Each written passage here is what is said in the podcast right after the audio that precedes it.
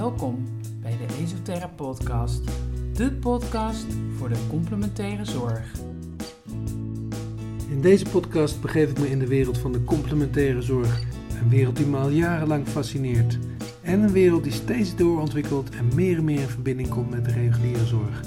Genoeg om te bespreken dus. Ik ben Steven van Rossum, host van deze podcast. Luister je mee? Deze podcast ga ik op zoek bij Pierre Capel. En eh, die woont heerlijk ergens in de bossen in het Gooi. Ehm, we moesten heel even eerst de hond uitlaten samen, zodat zo'n hond eh, een beetje kon wennen aan ons. Want eh, die is uit Roemenië en daar zeer getraumatiseerd. Dus als er een vreemde in het huis komt, dan is het meteen traumaland. Nou ja, dat was meteen denk ik een mooie opmaat of metafoor voor het emotionele DNA. Dat zie je dan bij zo'n hond, dat, dat wat er gebeurd is, dat blijft uh, in het uh, systeem zitten. En uh, het laat op hormonaal niveau zien wat er allemaal gebeurt met stress en andere zaken, maar ook wat, wat goede oplossingen zijn. Nou, het was een inspirerend, interessant, fascinerend gesprek. Luister maar.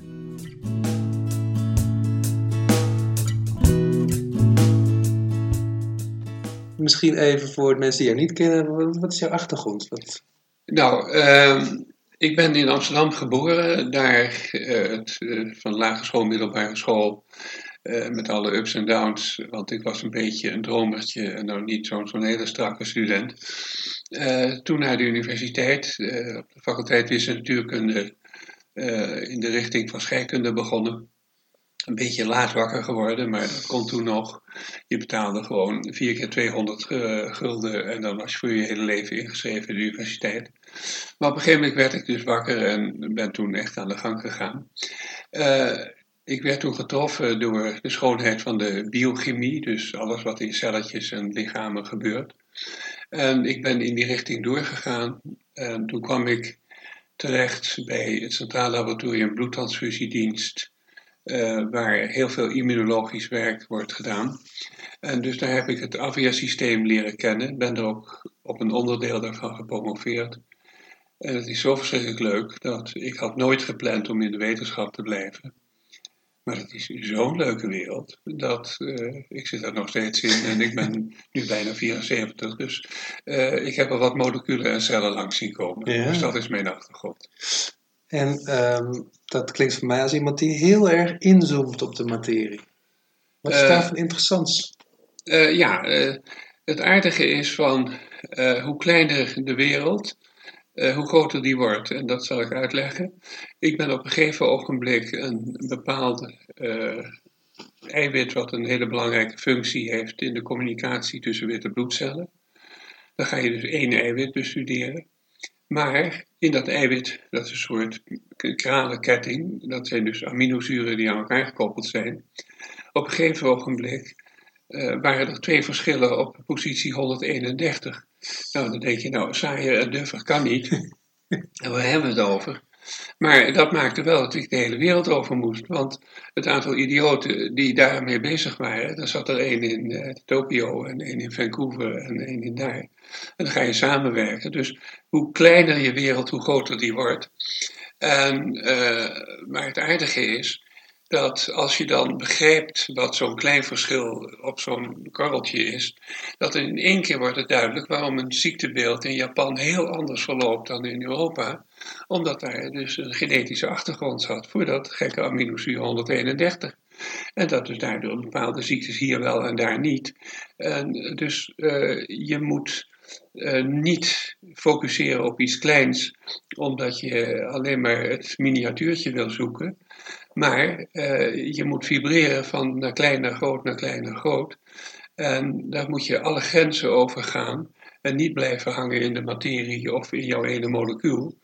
Maar als je het molecuul kent, dan is het, het universum wat daaromheen uh, hangt, wordt duidelijker als je weet hoe de componenten zijn. Ja. Maar het gaat me dus niet om het, uh, het Pieter Peuterwerk. Maar je moet ook kunnen pieterpeuteren. Het is zoiets als golfen. Je moet de lange afstand kunnen slaan, maar ook putten. Ja. En alleen dat putten, dat vind ik vreselijk. En de lange afstand vind ik leuk. Oh ja, ja, ja, ja. herkenbaar, herkenbaar. Maar hoe komt uh, iemand die zo met die moleculen bezig is dan uh, uh, in het gebied van de, de emoties?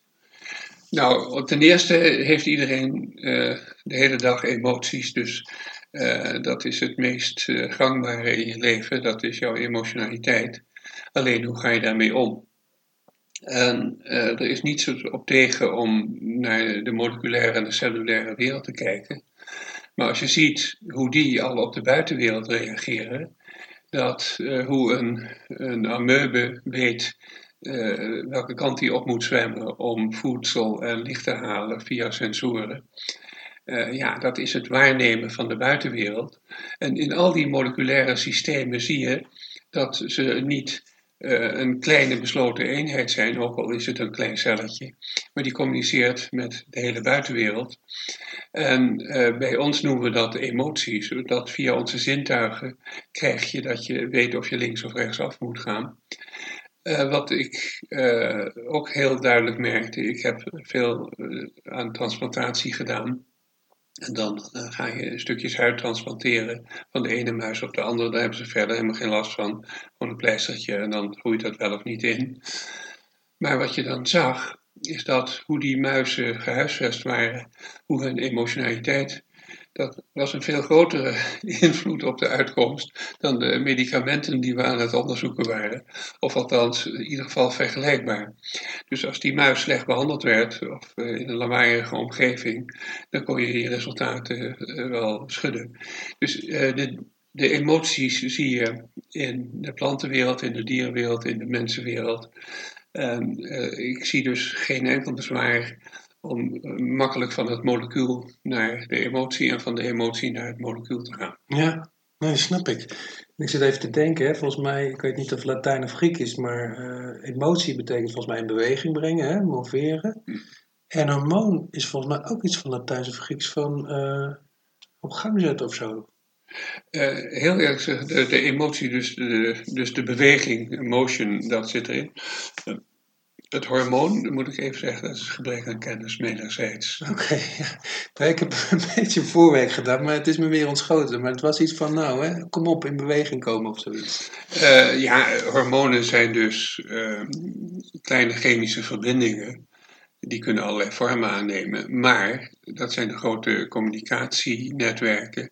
Die vertellen het ene weefsel wat het andere aan het doen is. En hoe we samen dit of juist net niet moeten. Ja. En of, je, of een cel wel of niet suiker moet gaan verbranden. Dat gaat dan weer via het hormoon insuline. Maar binnen het afweersysteem heb je ook honderden en honderden van dat soort stofjes die zorgen dat die cel-celcommunicatie om samen sterk tegen de infectie. Want uh, één, één klein mechanisme is nooit genoeg. Dus er moet samenwerking zijn. En uh, dat kan je dus allemaal hormonen noemen. Alleen in ieder vakgebied heet het anders in de uh, immunologie, waar ik dan in verzeild ben geraakt. Dan heten ze interleukine of interferonen. En ergens anders heten ze insuline of steroïdhormonen voor de seksualiteit. Oké. Okay.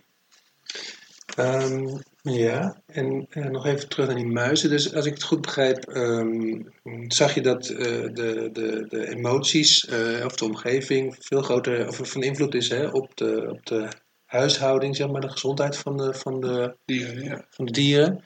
En daarmee komt ook jouw. wacht, ik word afgeleid, sorry. Ik weet niet of dit goed gaat, jongens. Heel even stoppen hoor.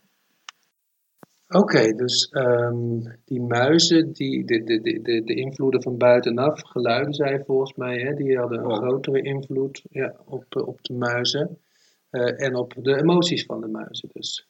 Uh, nou, andersom, uh, zeg maar de huisvesting bepaalt ehm, hoe ze dus via hun zintuigen de buitenwereld waarnemen. En is die geruststellend of is die angstig? Eh, dan krijg je via dus de perceptie van het signaal van de zintuigen gaat naar de hersenen. Daar krijg je een hele grote activiteit. Die sturen hormonen aan, die sturen weer het gebruik van de genen op DNA aan. En dat maakt dus dat een muis in een toestand komt waarin uh, hij zijn lichaamsfuncties gaat aanpassen aan de buitenwereld is het heel angstig, dan moet hij hele andere functies aanzetten dan dat het rustig is. Ja. Het is zo dat je kan muizen laten mediteren, dat klinkt idioot, maar dat is het niet. Die beestjes zijn altijd heel erg actief en uh, continu alert. Maar als je ze een paar uur per dag echt totale stilte geeft in een huisvesting waar ze helemaal tevreden zijn, en dat doe je herhaalde malen, dan krijgen zij een soort meditatieve rust. Dan zijn ze even niet angstig, maar ook niet alert. Gewoon van, jongens, eh, ze zitten in het hier en nu. Als je dan kijkt eh, naar de hersenen, hoe daar nieuwe zenuwcellen in het emotionele geheugen wordt gemaakt, hoe ze hun angstcentrum gaan verkleinen, uh, hoe ze dit gaan vergroten. Dus als je een muis de, in het hier en nu de rust geeft, dan kan je dat in zijn hele opbouw van zijn zenuwstelsel in de hersenen terugvinden. Wauw. En uh, de inleiding was inderdaad de vraag van hoe kwam je in het emotionele gebied? Jij ontdekte dit en dat vond je fascinerend, neem ik aan. Ja, maar het is niet alleen van de muis, maar ook van mezelf, maar ook in de hele omgeving. En als je dan gaat bestuderen, dan is er bijvoorbeeld een, uh, een uh, studie die ik ook in mijn boek beschrijf, waarbij ratten uh, een genetische predispositie hebben voor borstkanker, de vrouwtjes. een, na verloop van tijd hebben 20% van de vrouwen één klein knobbeltje in een van de tepellijsten. Die zaait niet uit en dat is zoals het is. Ga je nu die ratten huisvesten, die namelijk heel sociale beestjes zijn, in aparte kootjes, dus oftewel eenzaamheid induceert, dan is niet 20% van de vrouwen krijgt een tumor, maar 80%. De tumor wordt 50 keer zo groot en zaait uit. Dan zeg je, ja jongens, het begrip eenzaamheid, want de rest is helemaal hetzelfde. Wat doet dat? Dat zet uh, dus die hersenactiviteit aan die emotie van eenzaamheid die die dieren wel degelijk ervaren, zorgt dat ze hun DNA anders gaan gebruiken, waardoor uh, een groeifactor voor bloedvaten wordt geactiveerd door de eenzaamheid. En een tumor krijgt nu nieuwe bloedvaten, krijgt meer zuurstof en voedsel en gaat groeien. Dus daardoor wordt die 50 keer groter. Maar die tumor kon niet uitzaaien, omdat hij geen ankermolecuul had om in een ander weefsel aan te leggen. Mm-hmm. En het is zoiets als een zeilbootje. Als je geen landvasje, geen touwtje hebt, dan kan je nooit aan de wal komen. En door die eenzaamheid ga je het gen aanzetten voor zo'n ankermolecuul. En hoppeta, dan kan die uitzaaien. Dus de emotie en het verloop van de ziekte is direct gelinkt. En in mijn werk kwam ik allemaal van dat soort voorbeelden tegen, maar ook uh, in mijn eigen leven. Dat als iemand een zware negatieve emotie heeft of een zware positieve, dat dat een heel erg groot verschil maakt. Maar ook uh, in het medische vlak en in het gezondheidsvlak. Uh, dat dus zijn ook heel veel studies waarbij het verschil tussen optimisten en pessimisten is het glas half vol of half leeg. Ja. Dat hebben ze gedaan bij uh, patiënten die, of mensen die een hartaanval hadden gekregen. En toen gekeken van wanneer komt de tweede. En dat vijf jaar vervolgd. En dan de pessimisten, die hadden twee keer zoveel last van de tweede hartaanval en gingen al dan niet dood. En de optimisten hadden veel, eh, de helft minder last. Dus jouw gemoedstoestand en klinische dingen uh, werkt direct. Maar ook het hele placebo-effect. Dus als je iemand een goed verhaal verkoopt met een pepermuntje. en dan moet je er vooral nog bij zetten van dit kan de rijvaardigheid beïnvloeden.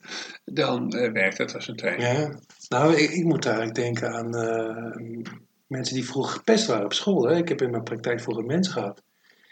En dan moet ik ook denken aan eenzaamheid. Hè? Die worden buiten de groep gezet. Dat is natuurlijk ja, dat was al een van de, van de heftigste trauma's die ik zeg maar tegenkwam. Hè? Dat mensen uh, ja, op school gepest werden.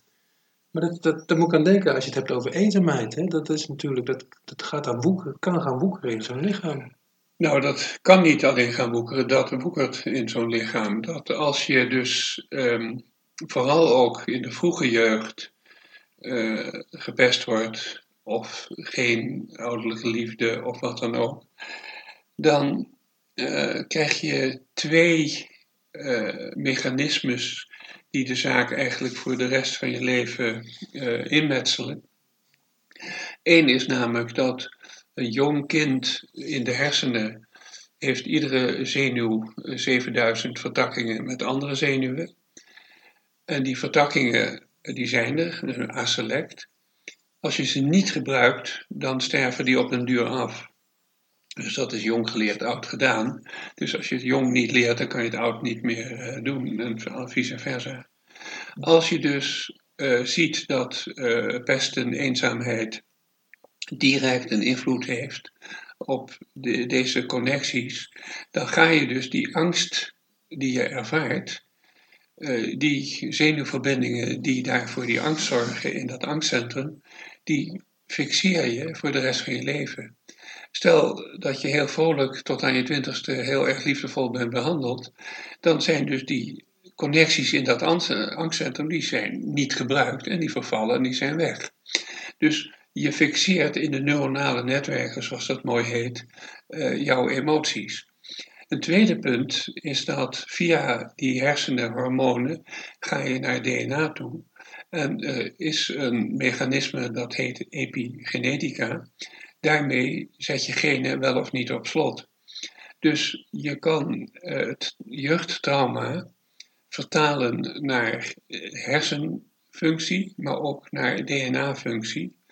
En dan krijg je het vervelende dat die DNA-functie wordt doorgegeven naar de volgende generatie. En dan krijg je het runs in the family. Ja, ja. ja bizar hè? Dus die emoties zijn veel belangrijker en veel langer werkzaam dan men gemiddeld denkt. En niet van, ach, we hebben allemaal wel eens wat.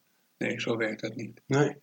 En uh, ja, gewoon puur nieuwsgierigheid hoor. Maar dan, uh, ik kan me heel goed voorstellen dat ik wat van mijn moeder heb overgenomen. En, en van mijn vader. Maar ja, dat zal wel niet gemeten zijn hoeveel generaties dan nog uh, van mijn voorvader in mij zitten. Nou, in ieder geval DNA van je voorvader zit er sowieso in. Ja. Maar uh, als we over epigenetica praten, kunnen we beter even naar de plant en niet naar de mens. Een plant heeft geen voetjes.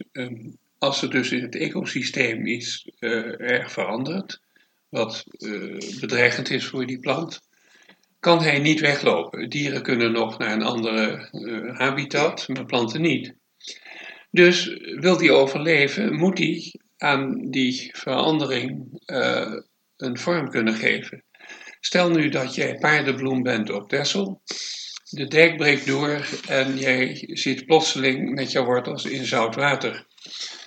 Uh, dan moet je in je natrium-kaliumpompen de zaken anders zetten, want anders uh, dat is die zilte toestand, uh, daar kan hij niet op groeien.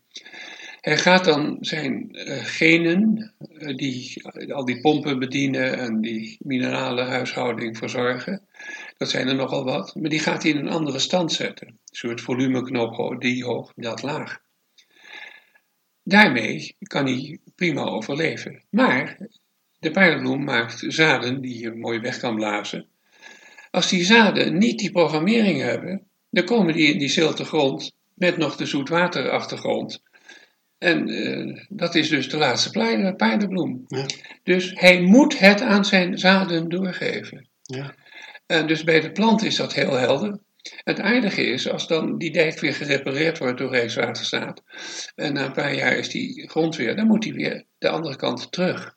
En wat je ziet, is dat planten heel goed dus genen op slot kunnen zetten, maar ook weer van het slot kunnen afhalen. En dan kom je op een gebied dat uh, in de voeding uh, dat bepaalde planten enorm goed kunnen zijn om die blokkades die wij ook aanleggen op ons DNA, eh, om die er weer een beetje af te halen. Dus ik wil niet zeggen dat uh, als je radijsjes eet, dat dan al je ellende over is, maar onderschat de werkzaamheid van goede voeding niet, omdat het op allerlei niveaus een invloed heeft. Ja, nou ja, waar ik moest denken toen ik last had van die voorvaderen, dacht ik, um, ik weet wel van, van de Indianenvolken en zo, hè, dat, dat, dat ze veel meer met hun voorouders bezig zijn en ik en mijn opa nog een beetje en dan houdt het wel op, uh, weet je wel. Dus ik dacht, misschien zit daar ook nog wel iets uh, van een oude wijsheid in. Dat oh, daar zit een hele is. grote oude wijsheid. Uh, iedereen zoekt zichzelf naar de genetica van alcoholisme, maar ze kunnen het gen niet vinden. Nee, maar het is het, niet het gen, het is het gebruik van de genen. En dus als opa zwaar aan de zuip is, dan eh, ja, gaat dat nog generaties mee daar gevoelig voor. Ah. Eh, dus dat is niet dat je de informatie van het DNA zelf verandert, maar dat je dus dingen wel of niet toegankelijk maakt. En dat je dus eh, allerlei emotionele trauma's vertalen zich in het, eh, ook op DNA-niveau. Daar komen bepaalde chemische stofjes op te zitten, wat methylgroepen heten. En dat kan je bepalen. En dat heet dan het mooie naam het epigenoom. Maar daarom zijn er mensen die krijgen een uitkering als oorlogsslachtoffer van de stichting 4045, maar die zijn in 1953 geboren. Ja. Waarom? Omdat hun ouders in het kamp gezeten hebben. Is dus die aanpassing om te kunnen overleven, is in het DNA doorgegeven aan de kinderen. Ja. En dus die hebben dat trauma meegekregen. En om nou even helemaal eh, snel door de bocht te gaan, dat is het oude idee, de erfzonde. Ja, ja. Maar we hebben het nu over onze jeugdtrauma's hè, die ons vormen. We, ja, we hebben het nu zelfs over onze voorouders. Eigenlijk zijn wij mensen, zijn we gewoon eh, stukjes wandelend verleden wat we zien. We zien niet de, het nu, we zien iemand die dat allemaal heeft meegemaakt en dat nu beleeft.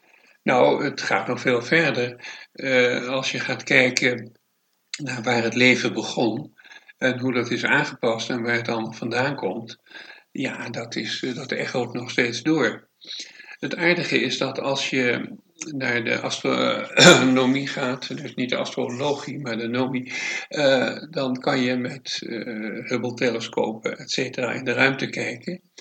Maar eh, het licht van de sterren, het licht van het interstellaire gas, kan je analyseren. En dat is een heel leuk iets, dat, dat, eh, dat je het spectrum dus bepaalt. Maar dan kan je dus zien welke verbindingen in de ruimte aanwezig zijn. Dan zie je dat bijvoorbeeld, en dat klinkt even raar, maar dat is adenosine monofosfaat, is in de ruimte aanwezig.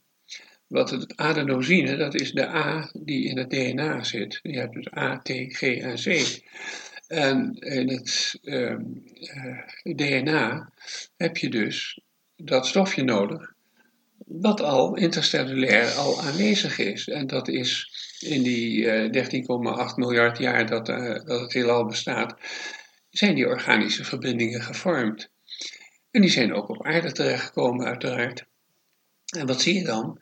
Eh, dat je met al die organische dingen heel langzamerhand iets biochemisch, een cellulair, en dat je dan op een gegeven moment leven kan creëren. Maar eh, als je ziet dat die eerste levensvormen gebruiken eh, als batterij, dus het adenosine, trifosfaat, ATP, dat stofje wat dus ook in de, in de kosmos al aanwezig is, Ja. dat gebruiken bacteriën, algen, schimmels, eh, maar jij ook. Ja. En eh, er is dus gewoon gekeken van, hé, hey, wat werkt en dat blijft behouden. Een ander iets is, is dat er is een vetzuur wat op de elfde plaats onverzadigd is, dat is dus omega 11. En dat zit dus eh, als fotoreceptor in de eerste levensvormen. Dat heet vitamine A. En dat, hebben, ja, dat werkte zo goed dat eh, wij dat ook nog steeds gebruiken. Dus eigenlijk zie je dat het verschil tussen een bacterie, een schimmel, en een plant, een dier en een mens, daar zitten wel verschillen in. En daar kan je een waardeoordeel aan geven. En dan zit niet de mens aan de top van de schepping eh, in dat waardeoordeel. Maar eh, dat dus, ja, de zenuwgeleiding in, in dieren is exact hetzelfde. Dus, Ja. ja, de neurotransmitters is dit, de planten doen dat. Dus het hele leven is gewoon één grote zich ontwikkelende historie in vele vormen. Wauw. Dat we, Ja. Gewoon dat de hele natuur alles met elkaar verbonden is. Ja, precies. En eh, nou ja, als ik dan naar de natuur kijk, dan, dan eh, in relatie met stress, hè, dan, is, dan zie ik wel dat eh, de hele natuur natuurlijk altijd bezig is om te overleven. En ik weet nog dat ik een keer een, een, een groep paarden zag, of een kudde, ik weet niet hoe dat heet. En dan zag je dat ze zo continu alert waren op de omgeving. Hè? En dat was natuurlijk van belang. En ik hoorde dat een, de, de mannetjesleider, die kijkt dan naar de gevaren of zo en de vooruitsluiting kijkt naar de, waar de voeding is of zo. Maar continu afstemmen op de omgeving en op de gevaren eromheen. En dat is natuurlijk eh, ja, waar stress, eh, denk ik, eh, ontstaat. Hè? Waar, waar stress geboren wordt. En dat hebben wij natuurlijk ook zo biologisch meegenomen. Hm. Nu is het woord stress is heel negatief. Maar dat is het niet. Het is het mooiste wat de natuur gemaakt heeft. Alleen wij hebben het misvormd. Uh, als een plant in nood komt, gaat die uh, de stressrespons in. Als een dier, de stress, de mens, etc., bacteriën. Bijvoorbeeld een schimmel, die groeit en die vindt het heerlijk. En dan komt er verdomme een bacterie in zijn ecosysteempje. En die consumeert zijn voedingsstoffen. Dus gaat hij stressen, dan gaat hij penicilline maken, dat heet dan een antibioticum. Dus de schimmel gaat dus de bacterie aanvallen. Maar de bacterie is ook niet gek, dus die gaat weer de schimmel aanvallen met een fungicide. En ja, dat noemen we dan. Uh, Maar dat is dus niks anders dan de stressrespons van die kleine organelletjes. Uh, planten, dat is heel erg leuk. Stel nou dat jij uh, een veldje hebt met uh, planten erop en een van de planten van de duizenden die daar op die wei staan, uh, krijgt last van bladluis. nou vindt een plant bladluis niet lekker, want die knabbelt zijn blaadjes op. Dus die gaat de stressrespons in. En dat wil dus zeggen dat hij zijn metabolisme gaat veranderen, zijn huidmondjes dicht, gaat van alles nog wat doen. Maar planten zijn heel sociaal, dus die oude horen zich helemaal suf met elkaar. En dus de, dus de bladluisdragende plant moet wel even zijn makkers zeggen: jongens, uh, there is something rotten in the state of Denmark. En dat doet hij op twee manieren. Namelijk door geurstoffen te maken die met de wind meegaan. Die vangen andere planten op en dan weten ze: hé, er is dus een stressrespons bij onze buurman dan gaan zij hun hele metabolisme totaal veranderen. Ze gaan hun hele DNA-gebruik totaal omgooien. Honderden genen in die plant worden anders gebruikt. Er gaat niet meer dit, wel dat. Maar wat hij ook gaat doen, is dus die niet uh, uh, planten, maar die dus de stress hebben opgevangen van de anderen, gaan een lokgeur maken voor sluipwespen. Nou vinden sluipwespen bladluizen heel erg leuk. Dus dat hele wijtje gaat uh, als een soort uh, ja, Rescue 911, gaan ze die sluipwespen oproepen. En die eten, dus dat gaat prima. Maar dan ben je afhankelijk van de wind. En dat is natuurlijk ook niet handig. Dus hebben planten al veel eerder een internet dan wij. Dat is het World Wide Web. Dat is het mycelium van de schimmel in de grond. Dat gaat kilometers en kilometers door. En die, een plant in stress geeft een stresssignaal af via de wortels naar het mycelium. Dat gaat dus honderden tot kilometers door, uh, wordt het signaal doorgegeven. En uh, iedere plant weet gewoon wat hij daar uh, mee moet doen. Dus de stressrespons is overleven, dat is heel erg goed. Ja. Wij hebben dat ook. En dieren hebben dat ook, en planten en schimmels. Maar dat is een overlevingsstrategie die fantastisch is. Het stressrespons verhoogt je bloeddruk, de hartslag, de dit, de dat. Er is niets op tegen om een bloeddruk van 200 te hebben, als het maar niet te lang duurt. Ja. Nou, in de hele biologie is dus de stressrespons een zeer evenwichtige, goede reactie op een negatief signaal van buiten. Maar wat hebben wij? We hebben een ruimte-tijdbewustzijn, en dat is ongeveer het enige wat ons verschilt van de dieren, waardoor wij het begrip morgen kennen.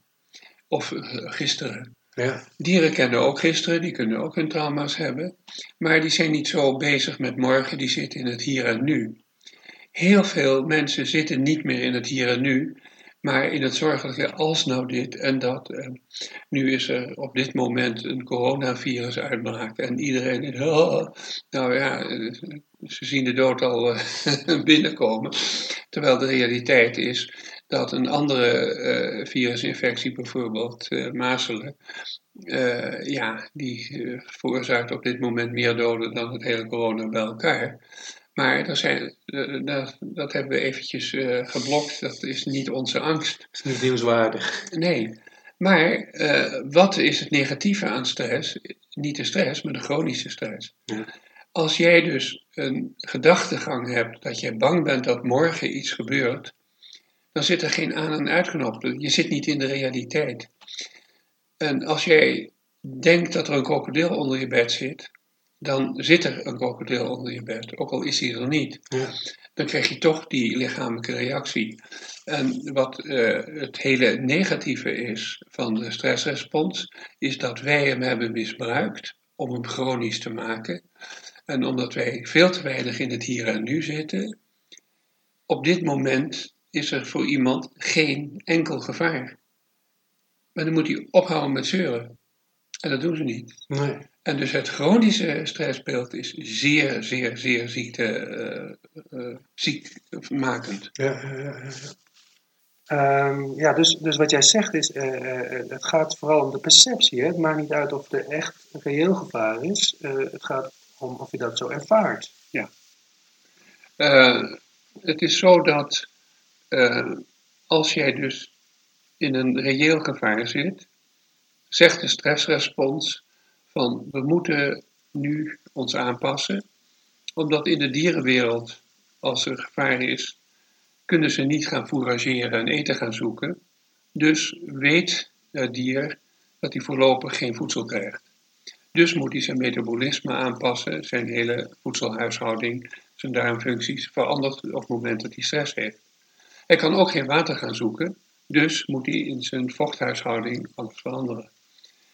En zo heb je heel veel aanpassingen die heel gunstig zijn. Maar wat, eh, alles wat dan bijgeregeld wordt, eh, is voor het overleven. Maar het dier weet dat in een gevaarlijke omstandigheid er een hele grote kans is dat hij gewond raakt, dat hij infecties krijgt. En wat gebeurt dus?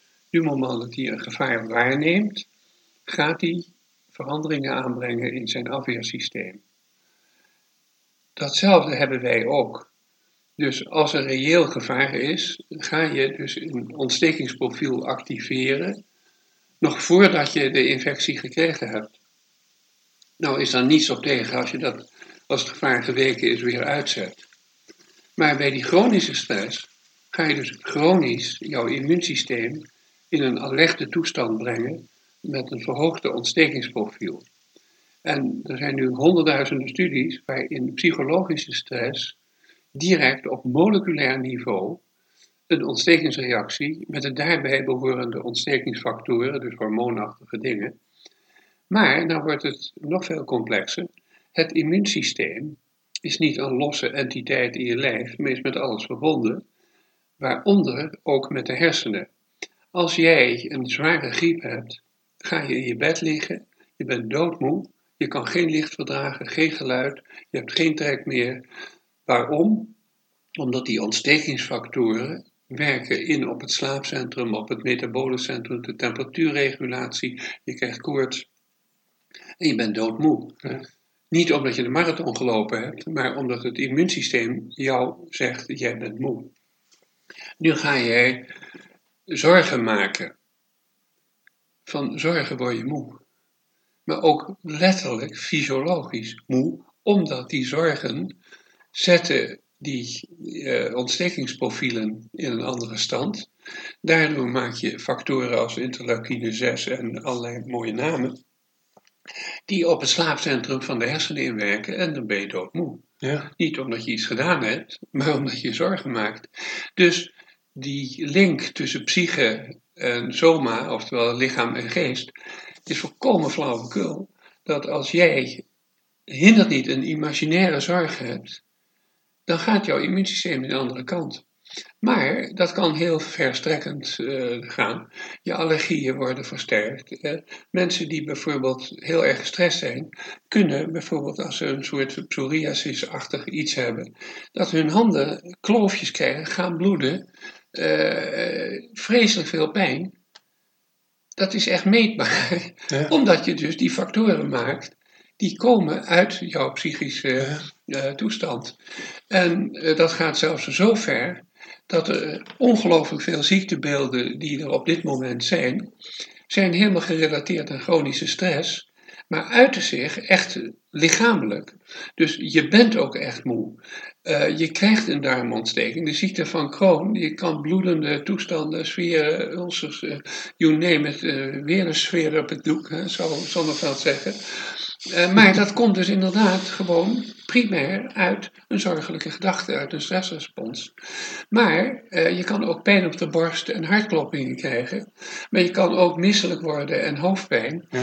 En al die dingen kan je samenvatten als malaise. Als je helemaal fit bent en geen zorgen, dan heb je geen malaise, omdat dat immuunsysteem lekker rustig is. Ben je doodziek met een hele zware infectie, dan heb je malaise, en dat kent iedereen en dat mag ook. Dus als je zwaar griep hebt, zegt iedereen, ga jij nou maar even lekker naar bed, citroentje en even rusten en nou, over een paar dagen gaat het weer goed. Daar is alle begrip voor. Nu ga je exact dezelfde reactie starten als het griepvirus doet Namelijk de psychologische stress. Jij zit met een relatieprobleem, je zit ellende op het werk, financieel probleem, je maakt je zorgen, al dan niet terecht. Een jeugdtraumaatje, you name it. Dan gaan dus al die gekke factoren omhoog. En als je dan die malaise in kaart brengt, dan zit daarbij misselijkheid, vermoeidheid, incontinentie, gehoorproblemen, uh, pijn op de borst, hartklachten. En zo heb je een heel kaleidoscoop aan evenementen. Maar als iemand gestrest is, heeft hij niet al die dingen. De ene uh, krijgt last van zijn maag en wordt misselijk en kan niet eten. Uh, de andere gaat juist de bulimia kant op en vreest zich helemaal te barsten. Maar het is wel hetzelfde idee van een verstoord metabolisme. Stel nou dat jij hoofdpijn hebt en misselijkheid en pijn vanuit die stress, dan heet dat migraine. Ja. Maar vanuit datzelfde systeem kan je pijn op de borst en hartklachten. Maar wat is het? In de huidige reguliere gemeen, uh, geneeskunde is alles opgedeeld reductionistisch in kleine partjes. Dus als jij hartkloppingen hebt en pijn op de borst, moet je naar de cardioloog. Edoch, de cardioloog vindt maar in 4% van dit soort gevallen dat er iets mis is met het hart, want het heeft geen vloep met het hart te maken. En de pijnsensatie, die moet je niet naar de reumatoloog eh, of weet ik veel wat. Nee, het is allemaal uh, exact hetzelfde. Maar als je dus in die halve malaise zit, dus niet de totale ziekte met hoge koorts en dat je helemaal uitgeteld bent, maar ook niet fit, maar je zit er tussendoor. En dat heet dan het burn-out, het vermoeidheidssyndroom, de fibromyalgie, uh, al die klachten die er nu zijn. En uh, dat maakt dat je dus een malaisegevoel hebt. Maar dat kan zoveel vormen aannemen dat het individueel totaal verschillend is. Terwijl de oorzaak bij ieder mens, zeg maar, die chronische stress is. Ja, uh, um, we horen de hond even tussendoor, hè?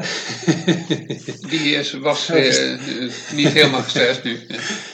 Uh, maar als ik het goed begrijp ook even, hè, want dan zeg je ook volgens mij, het is, wordt vaak lineair gedacht van hè, stress, uh, of psyche en, eh, psyche en soma.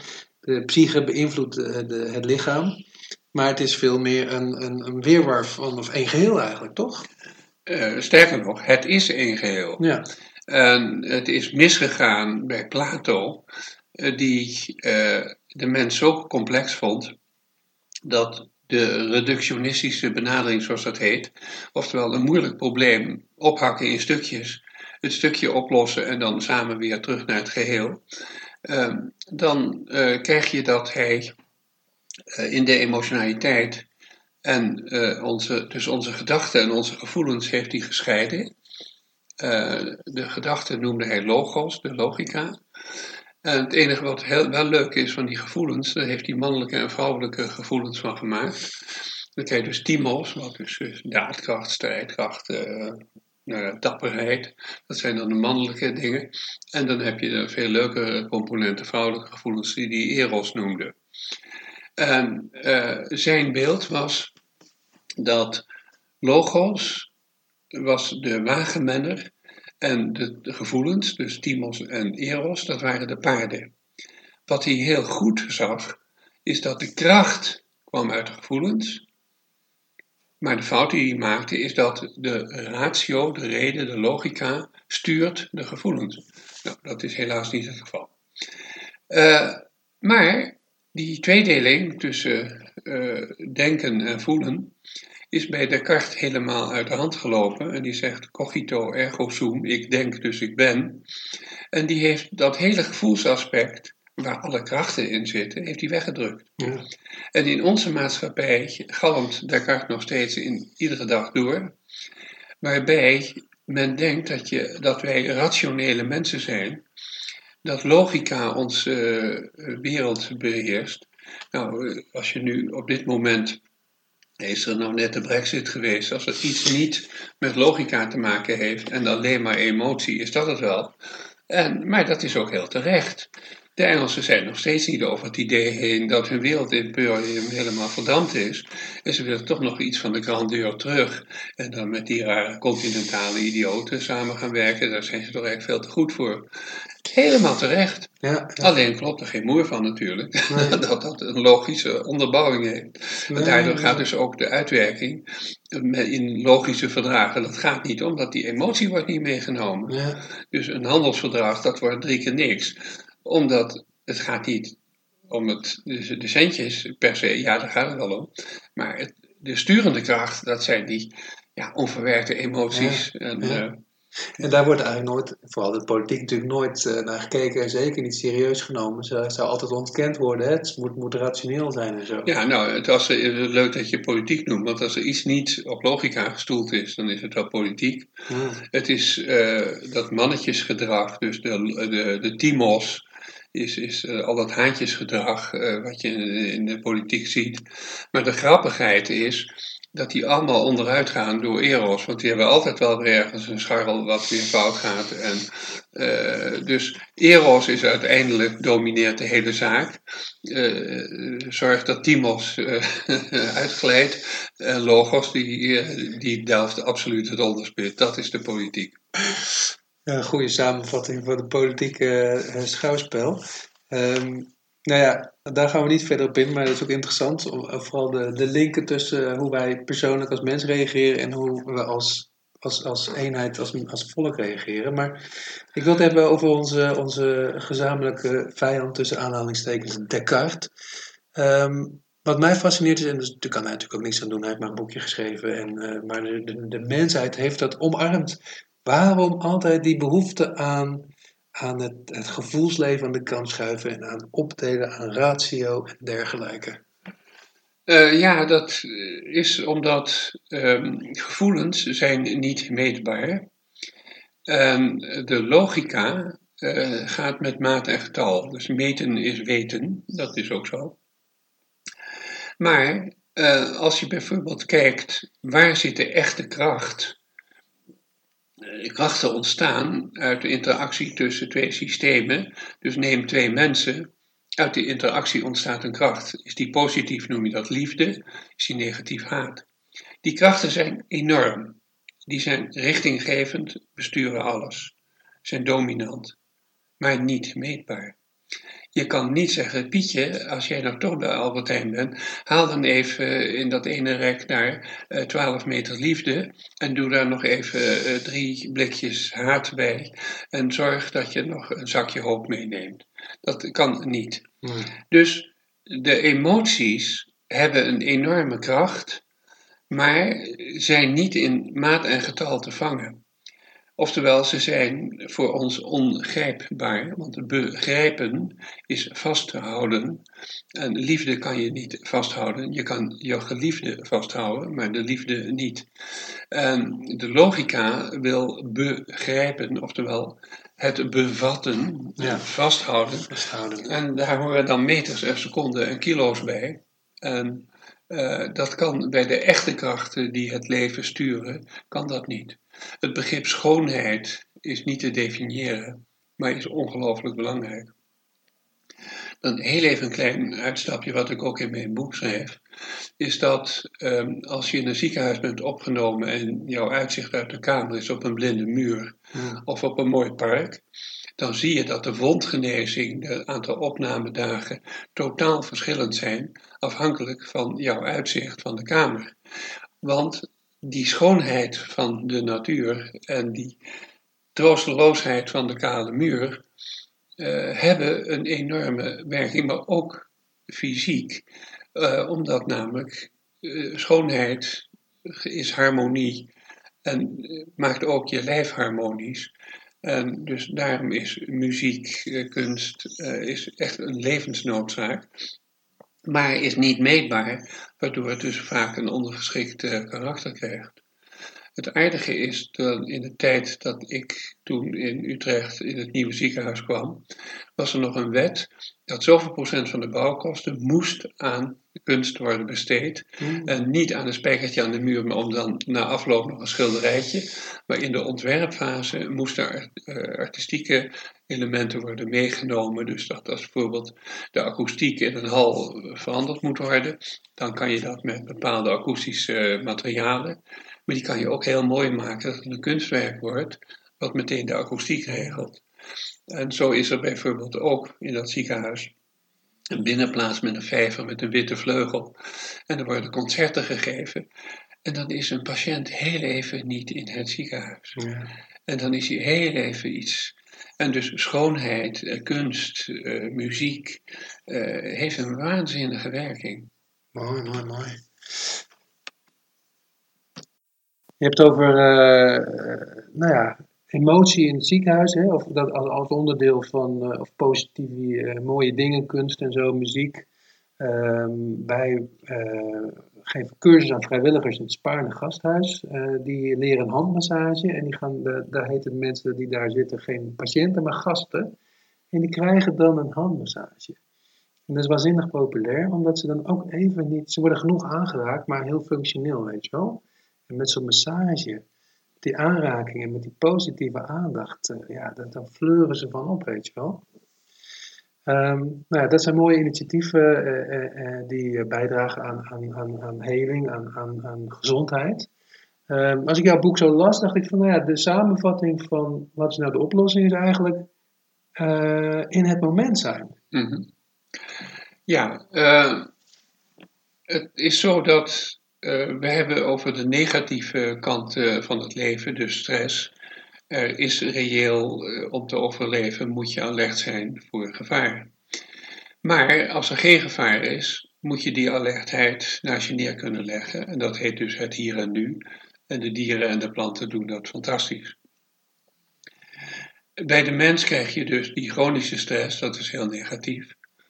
Maar wat is de anti-stress? De antistress is om in het hier en nu, omdat er op dit moment is er geen gevaar. Dan moet je ook niet zeuren. En het enige is, hoe kan je nou zorgen dat jouw gedachten, die altijd maar door je hoofd spelen en die ook gelinkt zijn aan de toekomst, aan morgen, irrationele gedachten, zorgen, spanningen, die heb je nou eenmaal. Maar die zorgen dus dat die chronische stressreactie jouw lichaam beïnvloedt in een negatieve manier. Maar je kan niet die zorgen wegnemen. Als je financiële problemen hebt, dan als je gaat mediteren, dan is niet meteen je bankrekening bijgevuld. Maar wat gebeurt er wel? Als je in het hier en nu een half uurtje per dag even niet aandacht besteedt aan dat zorgelijke wat in chronische stress uh, resulteert. Maar heel even in het moment, heel even gewoon innerlijke rust. En als je daarin traint, wat heel goed te doen is, wat gebeurt er dan? Dan in de hersenen krijg je dus een ander proces, namelijk de anti-stress. Dan worden al die uh, hormonen worden weer teruggeregeld naar de fabrieksinstelling die gezond is. Daarbij hoort dus ook het DNA-gebruik, wat weer gezond is. Maar de schakelaars die dat DNA aan en uitzetten, als je die in de ruststand zet, duurt het weer een tijdje voordat ze weer oververhit aan de gang zijn. En dat zit gemiddeld, en dat is een beetje uh, kort door de bocht, maar ongeveer 24 uur uh, duurt dat voordat je weer al dat DNA weer in de stresstoestand hebt gezet. Dus als jij iedere dag een half uurtje emotioneel tot rust komt, in het hier en nu, en dat kan zijn door, door de stilte op te zoeken, wat dan meditatie heet. Het kan eh, lopend, wandelend in de natuur. Het kan ook feestvieren zijn, het kan van alles zijn. Als je maar in het hier en nu zit, dan gaan dus die DNA-schakelaars weer rustig uit. En dan duurt het weer voordat het fout is. Dus uh, je kan niet de zorgen en het probleem oplossen met een beetje mindfulness en wat sport en yoga. Daar verandert je bankrekening niet mee. Maar de lichamelijke doorwerking van die zorg kan je wel helemaal couperen. En dus als je, jij noemde net massage, dat is een ongelooflijk belangrijk iets, omdat van de zintuigen is de tastzin het meest emotionele. Eén keer fout betast, dat vergeet je je hele leven niet. En uh, als je in nood zit en iemand betast jou positief, de arm om de schouder, zoals dat dan heet, daar komt een kracht uit, een vitaliteit dat je eh, niet voor mogelijk houdt. Dus massage is buitengewoon belangrijk. Het hier en nu is buitengewoon belangrijk. Hoe je dat bereikt, dat kan op allerlei manieren. En uh, dat kan, uh, ik zelf ervaar dat meditatie daar een erg goede in is. Als je die combineert met voeding, lifestyle, etc., kan je dat onder de, noemer mindfulness zetten. Uh, maar dus de zorgen naar het heden te brengen, dan blijkt dat er in het heden geen zorg is, omdat je nu staat het huis niet in brand. en, uh, dan zet je dus ook die lichamelijke dingen weer uit en dan ga je terug naar de natuurlijke stressreactie, waar alle planten en dieren het zo goed mee doen, waar wij er een zootje van maken, doordat we het niet meer aan en uit kunnen zetten.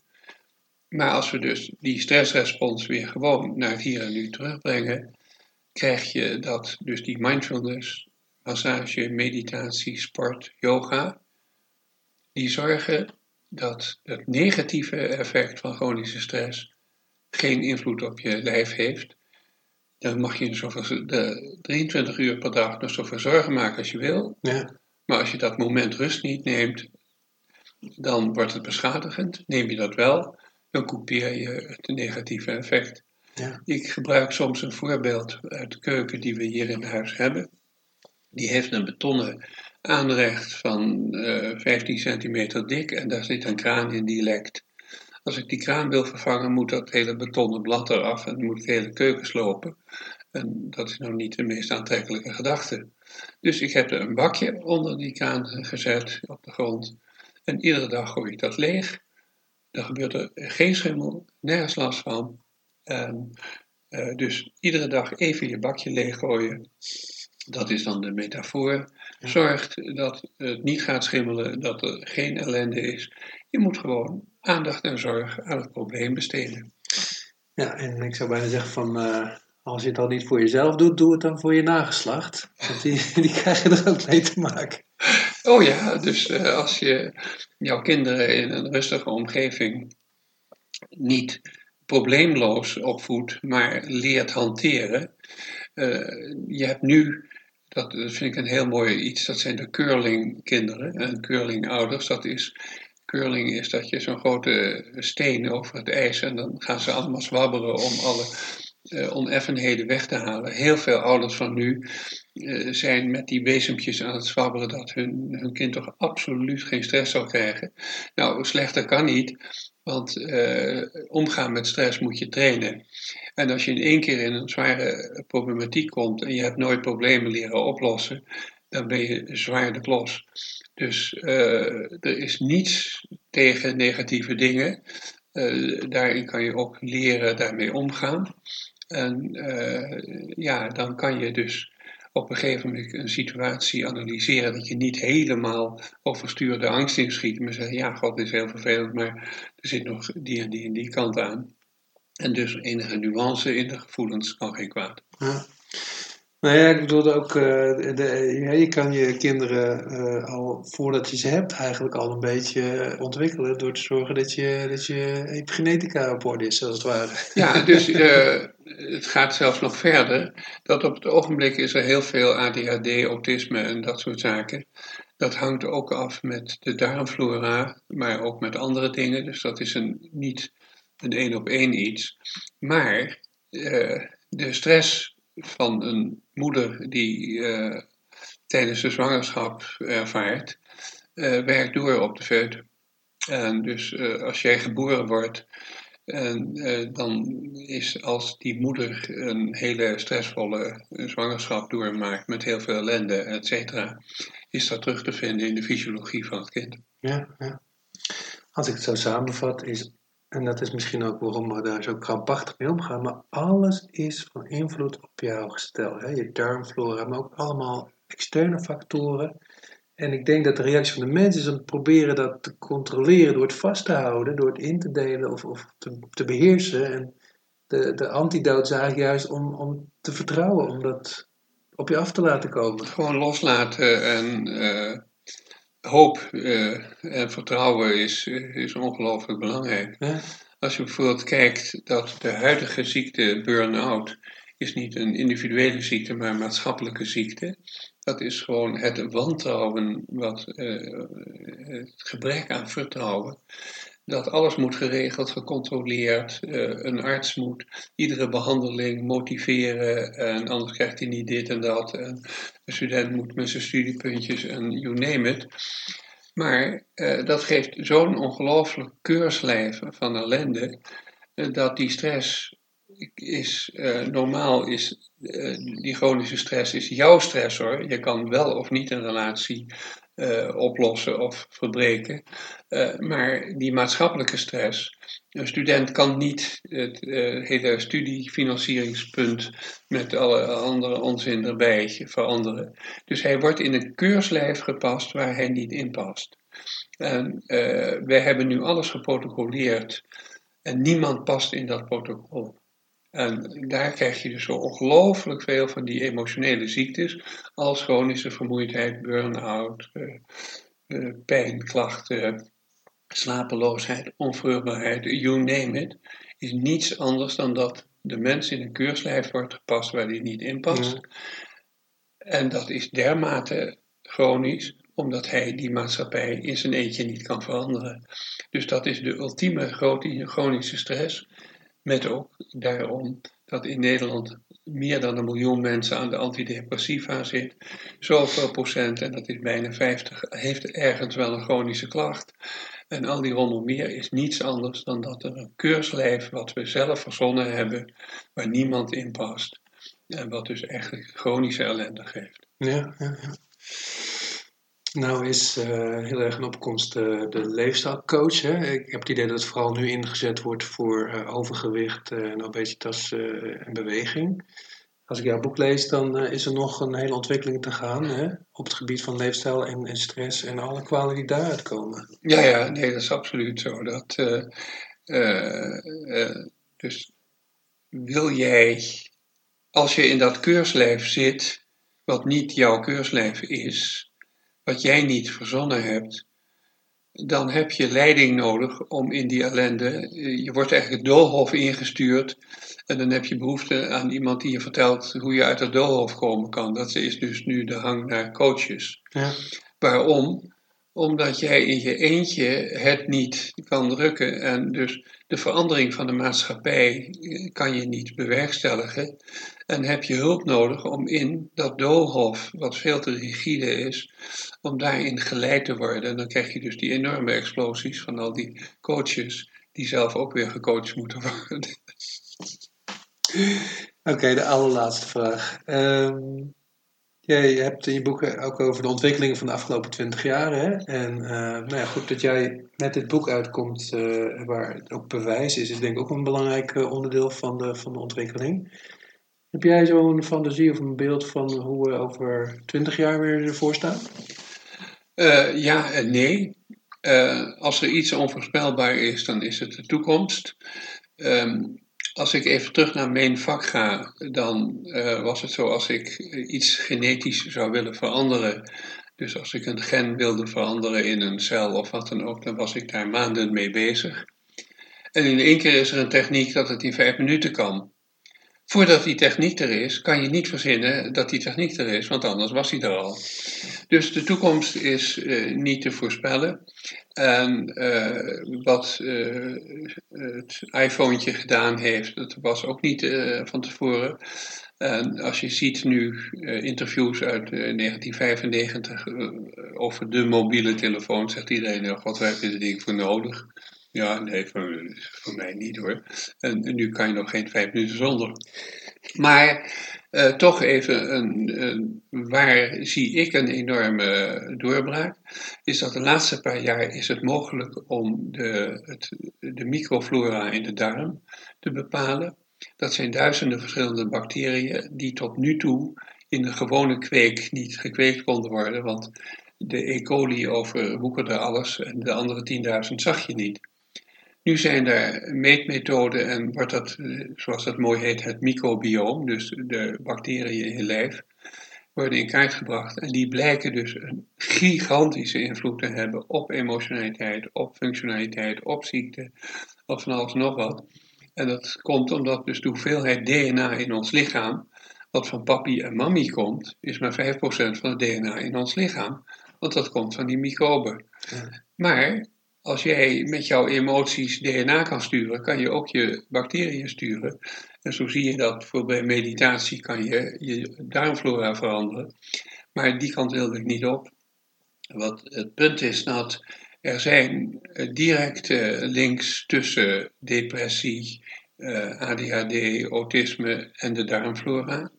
Men begint daar nu zicht op te krijgen. Maar om in die weerwaar van duizenden en duizenden bacteriën patronen te zien.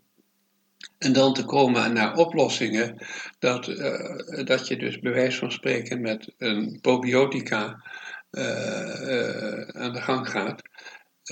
dat is nu veel te primitief.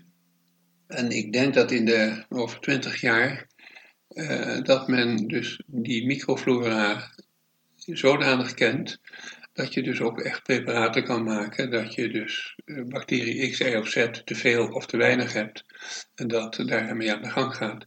Dat is maar een aspect, maar uh, verder is de toekomst is geweldig en uh, die moet je vanuit het heden genieten en hij openbaart zich vanzelf. Morgen bestaat niet, maar morgen wordt een keer vandaag. En dan moet je aan vandaag genieten. Dus op die manier kan je van morgen genieten door, in, door vandaag te zijn. nou, prachtig, prachtig. Hartstikke bedankt, Pierre.